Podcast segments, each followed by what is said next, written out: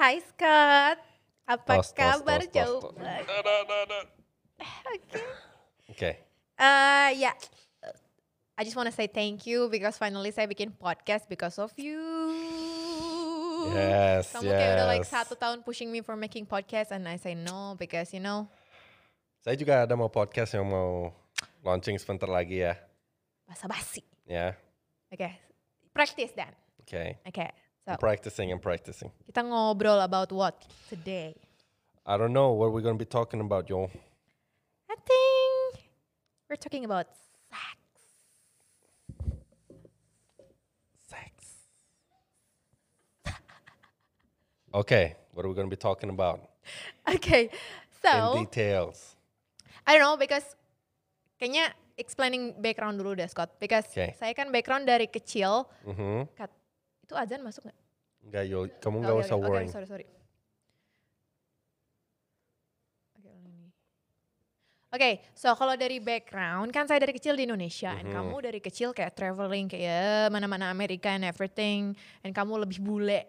So technically, saya lebih lokal, oke? Yes. So di Indonesia, talking about sex is taboo. Tabu. You know tabu? Taboo. What is taboo, you know? No. Scott, serious. tabu. Tabu. Taboo is goss something that is gossip? not to be talked of. Yeah, Sensitive subjects, ya. yeah. Subject yang sensitif. Mm-mm. Mm. Yang sensitif kalau misalkan kamu talking about itu itu kayak rude or nggak sopan Mhm, yeah. atau nggak moral, nggak ada moral kayak gitu-gitu. So, I don't know. I feel like zaman sekarang itu udah semuanya westernized kayak orang udah punya HP. So everybody udah bisa lihat Instagram, Ya, lihat YouTube. budaya orang bule gitu kan. Mhm, Even yeah. kita stay di Asia. Apalagi kalau udah ada VPN, kamu bisa nonton something yang nakal-nakal, right? Kalau kamu pakai VPN, yang enggak sih. Betul, betul. So, I think kalau kita talking about sex, it will be good idea because kita sharing and open biar nggak terlalu tabu lagi. I think that's just my opinion. Okay, okay. I think it's also a good idea to be talking about something like this so that apa ya? People are more open-minded, Yeah. Ya, yo. Sepi banget, just be cerewet Scott. Okay. Just let's go. Let's go. Let's go. Come on. Come on. Okay, okay. Okay. So, okay guys, eh oke guys salah. Oke ini podcast. oke Scott, uh, because kita husband and wife, I guess. Mhm. Okay, so I don't know. What? I don't know, yo. what What are we talking about? We're talking about sex. Okay. And kan kalau saya mikirnya gini namanya husband and wife itu harus punya sex conversation. Semua suami istri. Emang ngerti harus. Harus nggak? Harus. What do you think? Harus atau enggak? I don't know. I'm asking you. I guess, yeah. Yeah, yeah, yeah. I think it's a normal thing for husband and wife to talk about sex. Yes. Ya, because kalau di culture di sini, saya nggak bilang ini buat semua orang sih, tapi mostly itu masih kalau di Indonesia ya, seks itu lebih kayak kewajiban istri to husband, you know? Kamu ngerti gak sih? Enggak. Kewajiban, what is kewajiban in English? Uh, Responsibility. Ya, responsibility istri yang harus kasih ke suami, ngerti gak sih? Jadi ada level di sini Mhm. beda kayak istri lebih low, suami lebih high. Jadi kalau misalkan suami asking istrinya buat having sex, suami itu bener-bener kayak, mah, ayo jadi kayak dia tuh nggak pikirin psikologik. Istri ngerti nggak sih Scott? If the husband ask like, ayo istri harus say yes in any condition, even dia lagi bad mood, Itu buat- lagi capek. I don't know, that's just like how culture di sini works. Itu culture atau wait, I don't know if this is going to be a sensitive subject ya. Is bukan culture kan tapi lebih ke religious ya. Nggak, saya nggak berani bilang itu religious juga. Mem- Mungkin iya awalnya dari religious, tapi itu lebih Di ke habit. awal. Saya bisa bilang itu kayak Mhm. habit yang kamu dapetin dari orang tua turun menurun gitu. Aha. habit kayak psychologic habit aja. Jadi Iya. eh, tapi sebenarnya banyak juga banyak orang yang fine sama kayak gitu. Kayak Mhm. emang itu udah habit dari orang tua kan. Jadi kayak Mhm. kamu ngikutin the habit dari kakek nenek mama papa kamu so it's fine buat most of cewek di Indonesia. Tapi masalahnya untuk sebagian lagi cewek yang enggak fine, Mhm. maybe talking kayak gini bisa jadi a good solution buat relationship gitu ngerti nggak sih jadi biar istri bisa lebih confident buat speak up kalau dia apa yang dia suka, apa yang dia nggak suka, suami juga bisa speak up apa yang dia suka, dia nggak suka. Jadi nggak nggak always komennya itu ada dari suaminya. Jadi nggak kayak having sex now, yes or no, I don't care, just now Tapi gitu. I think itu bukan masalahnya harus building conversation sama your partner, tapi itu lebih ke finding the right person to be in a relationship with kan. Ya kalau Soalnya kalau di awal banget your partner or husband or wife, husband ya in this case, ya kalau dia udah bikin authority kalau mau having sex harus kayak harus having sex right now ya sebenarnya kalau menurut saya itu bukan balik ke culture tapi balik ke the person that you're being with. Kalau memang di awal dia udah kayak gitu ya ngapain coba dipaksain buat trying to build the relationship kan? Soalnya buat aturin somebody that's already been I guess you can say a culture like that dari awal ya mungkin buat mata dia something like that is something you can't change, no? Iya sih, tapi kan itu bedanya Western sama Indonesia, Scott. Kalau di Western kan kamu bisa trial dulu, ngerti gak sih? You can have sex sebelum nikah dulu. Kamu bisa tinggal di apartemen sama partner kamu like for two years, and then kamu bikin decision, kamu mau nikah Iya atau sih. enggak. Kalau di Indonesia, kalau kamu doing trial first, kamu bisa dilemparin batu sama tetangga, Scott. So this is not a good uh, choice buat cewek, ngerti gak sih? Jadi Mhm. banyak orang di kita yang udah nikah, and baru nikah tuh baru ketahuan real color dari seksual karakter partner kita ngerti gak sih? Berarti Jadi having sex setelah nikah setelah gitu. nikah ya, terus Ya. baru ketahuan kalau real color suaminya tuh ternyata pushy banget. Misalkan istrinya lagi capek, abis ngurus anak yang sakit, mungkin dia nggak tidur, terus suaminya horny, just kayak harus kalau enggak langsung suaminya tuh kayak judging cewek yang ah kamu bukan istri yang baik, kamu tau gak sih istri itu harus harus serving, I think melayani guys like kan that are what assholes. beep, Yeah. Big time. Big time. iya, Yeah. because Satu sisi I agree with why I guess you can say anak-anak muda nggak boleh having sex. Saya ngerti kenapa. Tapi at the same time, ya it's a bit complicated soalnya kayak kamu bilang kalau misalkan nunggu setelah nikah kita kan nggak tahu kita nggak we don't know the real color the real personality of orang itu pas di moment dia sexually active kan tapi waktu kamu mungkin having sex with your partner sebelum nikah I guess that opens up a brighter window biar I guess you can say apa ya bisa baca karakter orang ini in all different angles gitu. In my opinion ya, in my opinion. Soalnya kalau di Amerika, when I lived in America, it's very common for partners from the ages from 18 to 25 to be sleeping together in the same room and obviously they're going to be having sex sometimes maybe. In my opinion, ya yang penting ya I guess you can say balik ke sex education kan mereka harus tahu like what happens when you have sex you know you don't want to have babies when you're 21 years old right okay Tapi just in case mereka udah nikah di Indonesia lah kan. Case-nya masalahnya gini, yang paling penting gitu.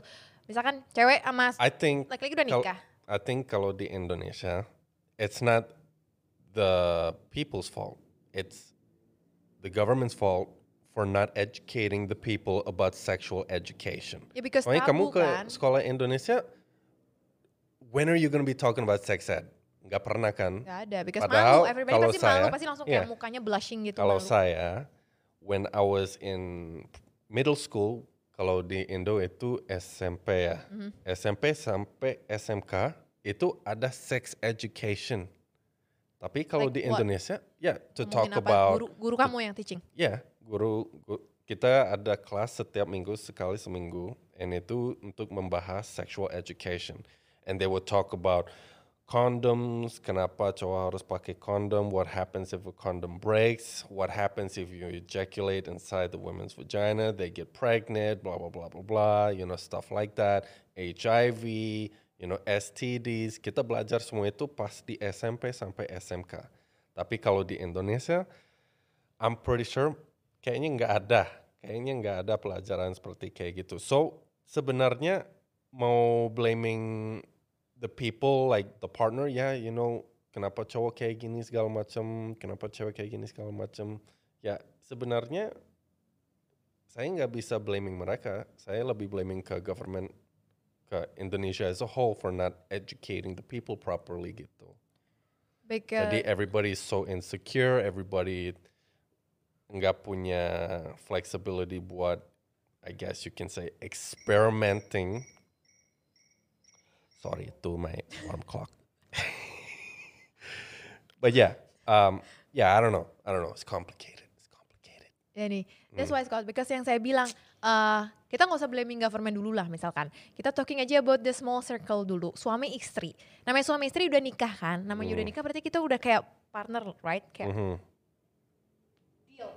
Like kita tuh Udah tanda tangan ya kontrak satu ya. satu tim gitu kan. Kita udah Ya. satu tim sebenarnya. Ya. So sebenarnya saya sama kamu punya kayak right, right itu apa namanya?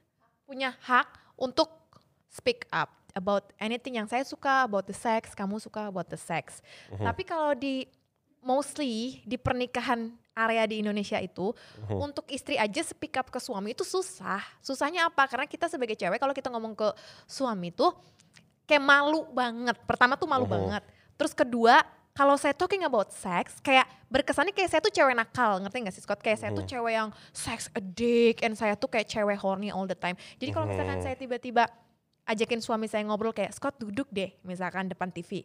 Saya mau talking sama kamu about sex experience kita kemarin. Saya ada ada eh, apa ya review and ada testimoni and mau kayak kasih kayak apa ya advice itu kayak kalau in tradisional di Indonesia suaminya will be like istri gue kenapa ngomong kayak gini? Otaknya sakit apa gimana? Gitu loh ngerti gak sih Scott? Ya. mindset itu tuh masih kuat banget di sini. Jadi eh saya cuman kayak kasihan sama cewek-cewek yang mungkin mungkin ya mungkin ya. Ada kalau having sex suaminya terlalu kasar. And ceweknya kayak bener-bener nggak comfortable kayak bener-bener sakit badannya dibanting-banting apa gimana. Tapi dia nggak berani ngomong sama suaminya because dia cuman takut suaminya marah takut suaminya cheating sama cewek lain Mhm. kayak gitu jadi ngerti gak sih Scott the Yeah. drama inside sexual di dalam pernikahan ini kamu ngerti kan Ya, kalau kita kan enak kayak Scott, eh, saya nggak suka kalau kamu too slow, it make me sleepy. So kamu juga Hmm. cerita ke saya, oh ya saya mungkin lebih suka kamu kayak gini kayak gini kayak gitu loh. mhm. Maybe we can share sedikit di sini biar kasih sampel buat mereka how we talk kalau kita sharing. I don't know. I don't know. Um, yeah, I don't Yeah. mind.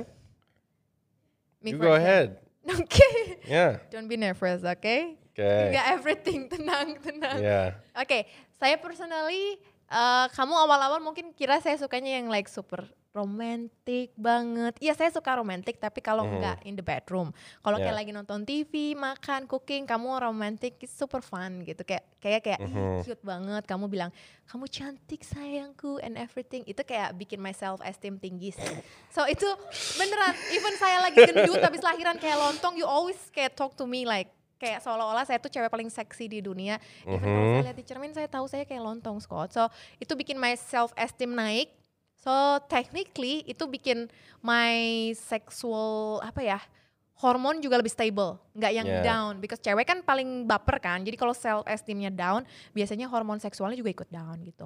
Tapi kalau in bedroom saya nggak terlalu suka yang terlalu super slow banget yang soft, sleepy. Saya malah jadi mikir Mhm. ke mana-mana yang tadinya romantis sama kamu malah jadi bentar thumbnail udah diedit belum ya? Tunggu, kayaknya si Jul besok. Jadi saya ke mana-mana, my head is working so hard ke mana-mana Yeah. gitu. Jadi saya suka yang agak lebih fast and kayak biar pikiran saya tuh nggak nggak nggak sempet keluar kamar kayak gitu. Okay. That's what I like, oke. Okay. Dan saya share ke kamu, and kamu udah tahu kan. Jadi ke kamu Now juga, I know. you know gitu. Yes. Oh, you can share to me. For me, uh, saya sebenarnya balik lagi ke point yang kamu bilang di awal, which is about being more open. Because most of the time to engage in any sexual activity sama kamu itu sometimes susah. Because I don't know what you're thi- thinking about because most of the time I'm overthinking. you're overthinking. Yeah. So untuk engaging in any sexual activity, saya sebenarnya bingung kapan, what do I have to say, is she happy or not right now? Dia lagi stres atau enggak? Because your emotions itu sebenarnya fluctuating. Yeah, that's a woman. Sebenarnya gitu. saya saya cuma mikir segitu sih. Kalau soal movements and anything else like that, I'm bebas. Saya bebas. Like I have no problem about anything, you know. Tapi saya lebih ke emotional and I guess like uh, apa ya? More towards psikologi. psikolog kayak Okay. gitu. Cause yeah, like you said, guys think linear. We go from point A to point B, whereas girls go from A to B to C to D to E, baru end point. So it's like satu sisi kamu bilang kamu mau romantis, tapi pas romantis, romantis itu kurang buat kamu, kayak gitu. And sometimes kalau bilang ya kita, kita harus cari momen yang pas. Ya sebenarnya saya bingung momen pas itu kapan, you know? Saya sekarang saya bingung momennya pas itu kapan. So that's it for me. I got nothing else to say.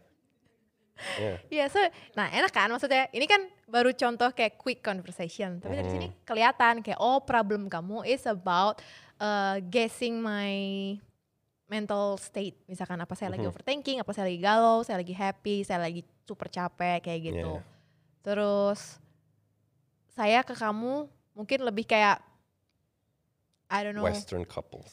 Ya, kayak gitu. Jadi enak baru dapat gitu ketahuan kayak oh, mungkin saya harus improve ini supaya Scott nggak kesel sama Mhm. saya. Gitu kan. Maybe Scott harus improve ini supaya Yulia nggak kesel sama kamu. Jadi dari situ enak gitu. Ada Yeah. nggak cuman kayak horny and then having sex and then beres, tapi kalau misalkan gini, berarti kan ada psikologi connectionnya juga di situ. ya kan? Mhm. Maksud saya. Dan Yeah. Ya gitulah. You know what I mean, Scott? I know. I mean, saya cuma kasihan sama partner yang nikahan. Dia cuma kayak tools buat suaminya, you know. I think Kalau people who are marrying to kurus, partners ini. that they feel like are apa ya? I don't know. For me, I I'm just gonna be honest ya. Kalau misalkan a cewek and cowok meet together, you have to get to know the person first, right? You're not just gonna meet the guy and then two weeks later you're gonna get married without knowing him, right? So, if I have to be honest, it's it's their fault for getting married in the first place in my opinion, yeah, regardless of any pressure that comes from family or anything, Yeah, kalau cewek itu nggak suka sama cowoknya karena dia, you know, being too aggressive about having sex, yeah, why the hell did you marry him in the first place, you know? Obviously, there's signs, right? You know, come on.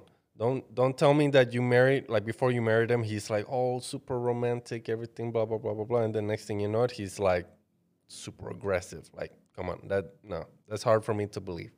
Itu susah buat saya percaya because when you're in a relationship, you know, we've been in a relationship for what a year before we got married. Yeah, I can read your personality. I can pick up small things here and there. Ya, masa saya nggak bisa lihat satu hal kamu yang mungkin saya mikir buat ke depan bisa jadi masalah besar ya. Maybe cewek yang nikah sama cowok itu jatuh cinta sampai dia blind or something like that ya. I don't know. I don't know. But it's, you know, yeah, if that if the guy is not good and dia terlalu agresif and minta seks sekarang and lama-lama kamu mungkin stress and then pusing, ya, ya udah leave the guy, you know? It's not so easy like that, Scott. But ya sih, maksud saya kalaupun even kamu mau nikah terus eh kamu nikah sama partner yang belum pernah kamu cobain gitu kan, Hmm. dasarnya. So at least ngomong aja dulu discuss about sex sebelum nikah it's normal ya. Discuss about sex sama having Yeah, sex kan beda normal. kan. Misalkan saya sama kamu pacaran, kita nggak having sex for tiga tahun pas kita pacaran, Hmm. terus kita bikin decision kita mau nikah. Maybe saya bisa discuss dulu sama kamu, Scott. Wow wow wow, sebelum Yeah. kita nikah saya punya question dulu nih. Saya gini gini gini gini gini. Misalkan saya punya pra- trauma about sex because saya maybe waktu kecil pernah di sexually abuse gitu gitu gitu. It's normal, right? I think it's completely solusi normal. juga gitu. Especially if the government provides sexual education so that if maybe one day they want to get in, you know, they want to have sex, they don't, you know, Blind. yeah, blind and have sex without condoms, and the next thing you know, you got a baby on the way. yeah. who you gonna blame for that? Yeah, exactly. You're gonna blame two people: the person that's having sex and the government for not providing a sexual education, or even the parents. You know, orang tua. You know, but obviously that's yeah, that's complicated. That's complicated.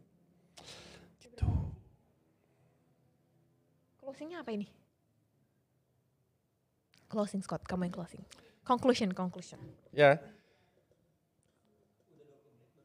Oh ya, Yeah. conclusion. So in my opinion, sebenarnya untuk having sex sebelum nikah, in my opinion, is okay. But obviously, in Indonesia, that's not gonna happen, and I don't know whether it's gonna happen in the future. We don't know ya, nggak tahu ya. Tapi Scott, kamu siap-siap dibully sama berapa juta I orang? don't care. I don't care. You know, bring it on. Orang chatting saya di Instagram, saya juga nggak buka Instagram. No, bebas. Ya oke. But yeah, kalau omong dari perspektif orang yang tinggal di Amerika, all around the world, yeah, having sex when you're above 18 years old, yeah, is okay. Sebelum nikah, nggak apa-apa. You know, as long as you have the proper edu- education, right? Kalau udah punya edukasi soal seks yang jelas, you're responsible. I don't see why having sex is a problem. I don't see why. Oke, And then you meet up with a partner, you make a decision, and then, you know, dari situ baru tahu whether or not your partner is perfect for you or not, kayak gitu. oke. Kalau in my opinion sih, because kita tinggalnya di Asia, Asia is Hmm. mostly the same, Indonesia, Malaysia, Thailand masih sama. Eh, Uh, Thailand's different, oh ya, oke. Singapore juga. Iya sih, you Yap, know. ya oke lah. Asia, Indonesia, Malaysia, itu aja. Hmm. So, uh, in my opinion, especially kita tinggal di Indonesia, kalau emang orang-orangnya mereka tetap pegang prinsip, itu kan kayak prinsip Scott, kayak uh, something yang kamu hold on, yang kamu believe itu good for yourself gitu kan. Yes. Jadi, I don't think kamu harus having sex Oh, sebelum nikah. Enggak, this is my opinion, just don't Hmm. Uh, nggak, kamu nggak harus having sex sebelum nikah, tapi at least kalau emang kamu udah yakin mau nikah sama orang itu dan kamu belum pernah having sex, at least sebelum nikah kalian buka discussion masa tentang seks gitu, open. Open Karena up kan google.com, bukan gitu, how to have sex. bukan bukan how to have sex itu YouTube udah insting Scott. tutorial. everybody can do it, oke? Bukan the how to do it, tapi kayak lebih ke konversasi kayak misalkan cowoknya misalkan ceweknya harusnya sih ceweknya dulu yang ngajak ngomong karena kan untuk cowok di Indonesia ajak ceweknya dulu ngobrol about sex cowok tuh takut. Karena takutnya misalkan cowoknya tuh sebelum nikah sebenarnya niatnya bagus untuk open conversation. Tapi banyak cewek di Indo yang bakalan mikir kayak apaan sih otaknya jorok males deh aku gini-gini. Jadinya konflik. Ngerti kan? Negatif thinking. Tapi kalau ceweknya dulu yang open cowoknya lebih relax dan lebih comfortable buat open juga. Jadi Yeah. dari opini saya pribadi, saran dari aku sih, kalau misalkan kalian misalkan orang-orang lain mau nikah gitu, ajakin cowoknya dulu ngobrol duluan biar cowoknya lebih nyaman. Misalkan ngomong kayak cuman random aja misalkan, hey Scott, kita kan bentar lagi mau nikah, tapi saya cuma mau kasih tahu kamu, saya tuh sebenarnya eh sering banget nonton film-film romantis-romantis banget. Jadi saya tuh nggak tahu kenapa kalau misalkan thinking about sex, saya thinking about kayak di Villa Bali yang banyak bunganya, yang ada aroma terapi gitu. Ngerti nggak sih? Itu kan Yeah. sebenarnya small conversation, tapi dari situ kamu bisa baca, oh Yulia itu sukanya seksnya yang soft, relaxing, meditasi, yoga style sex, kayak gitu, you know? Dan then kamu bisa open, oh oke kalau saya opposite Yul, kalau saya tuh sukanya yang kinky, kayak main dipecut-pecut, dijungkir banting-banting kayak gitu. So dari situ udah bisa kayak, oh, oke kita berdua beda nih karakternya, solusinya apa. Mhm. Jadi waktu mereka nikah, di situ ada dua color yang beda, mereka Mhm. udah siap sama resikonya, ngerti nggak? Karena eh, seksual, kedekatan seksual itu juga efeknya besar banget untuk relationship kan. Yeah. Kalau misalkan yang satu setiap having sex ngerasa kayak males, capek atau jijik kayak "Ah, saya nggak suka having sex sama suami saya. Kenapa? Soalnya bau misalkan kayak gitu. You know, soalnya ada orang yang di dibunuh karena dia bilang partnernya bau. Dibunuh sama partnernya because mereka having sex dan ceweknya komplain. Kamu tuh bau banget Jiji, saya nggak mau lagi having sex sama kamu. Dan cewek itu dibunuh Scott. That's how huge effect ha- having sex I di think that guy's got mental problems. Iya I know, I know. Tapi kan The guy should have been put in jail before they had udah. sex. ya gimana bisa tahu Ran? Yeah. So dari sini kelihatan kan kalau having sex is huge effect ke relationship. Jadi itu sih my opinion. So I, I guess that's it. I'm done. Yeah. Closing. I think there are some messed up people out there that Jangan out of topic Scott. yeah, Just okay, closing yeah, conclusion. yeah. Okay, okay. So intinya it's okay to have conversation sama Partner. partnernya soal seks. Nggak apa-apa, nggak usah malu. Yeah, maybe malu di awal because it's the first time that you guys are talking about sex. Ada ada ada triknya, hacknya. Kalau malu, Apa? talking in the super dark room, so kamu nggak bisa lihat muka partner kamu, so you can talk, right? Atau guess telepon, so, you can yeah. go to the office. Nah, SMS kan. Oh, zaman chatting, sekarang chatting. chatting WhatsApp, let's go. You know, send a Giphy or something like that, ya. Kan zaman sekarang, I mean dulu, dulu sebelum WhatsApp and everything, kan harus ngobrol face to face. Oh, itu grogi next level, Iya. ya. But sekarang everything's on WhatsApp ya. Muka kamu sama aja, kamu cuma dia melihat HP, cuma chatting-chatting kayak gitu ya. Iya sih. Itu lebih gampang, Mm, lebih iya, gampang. bener. Or video call, Ya ada mukanya sama aja. but long distance. Di blur videonya. Yeah. Oke. Ya. Oke. gitu. So Yeah. Thank you for opening up, Scott. Yes, I wasn't. I didn't come here on my own free will. I was forced to make this podcast. okay, I was forced to talk about this. Okay, Scott serius. all right. I'm a victim today. Oke. Okay. Bye. Dah. Bye. Beres. Kata lo kemana-mana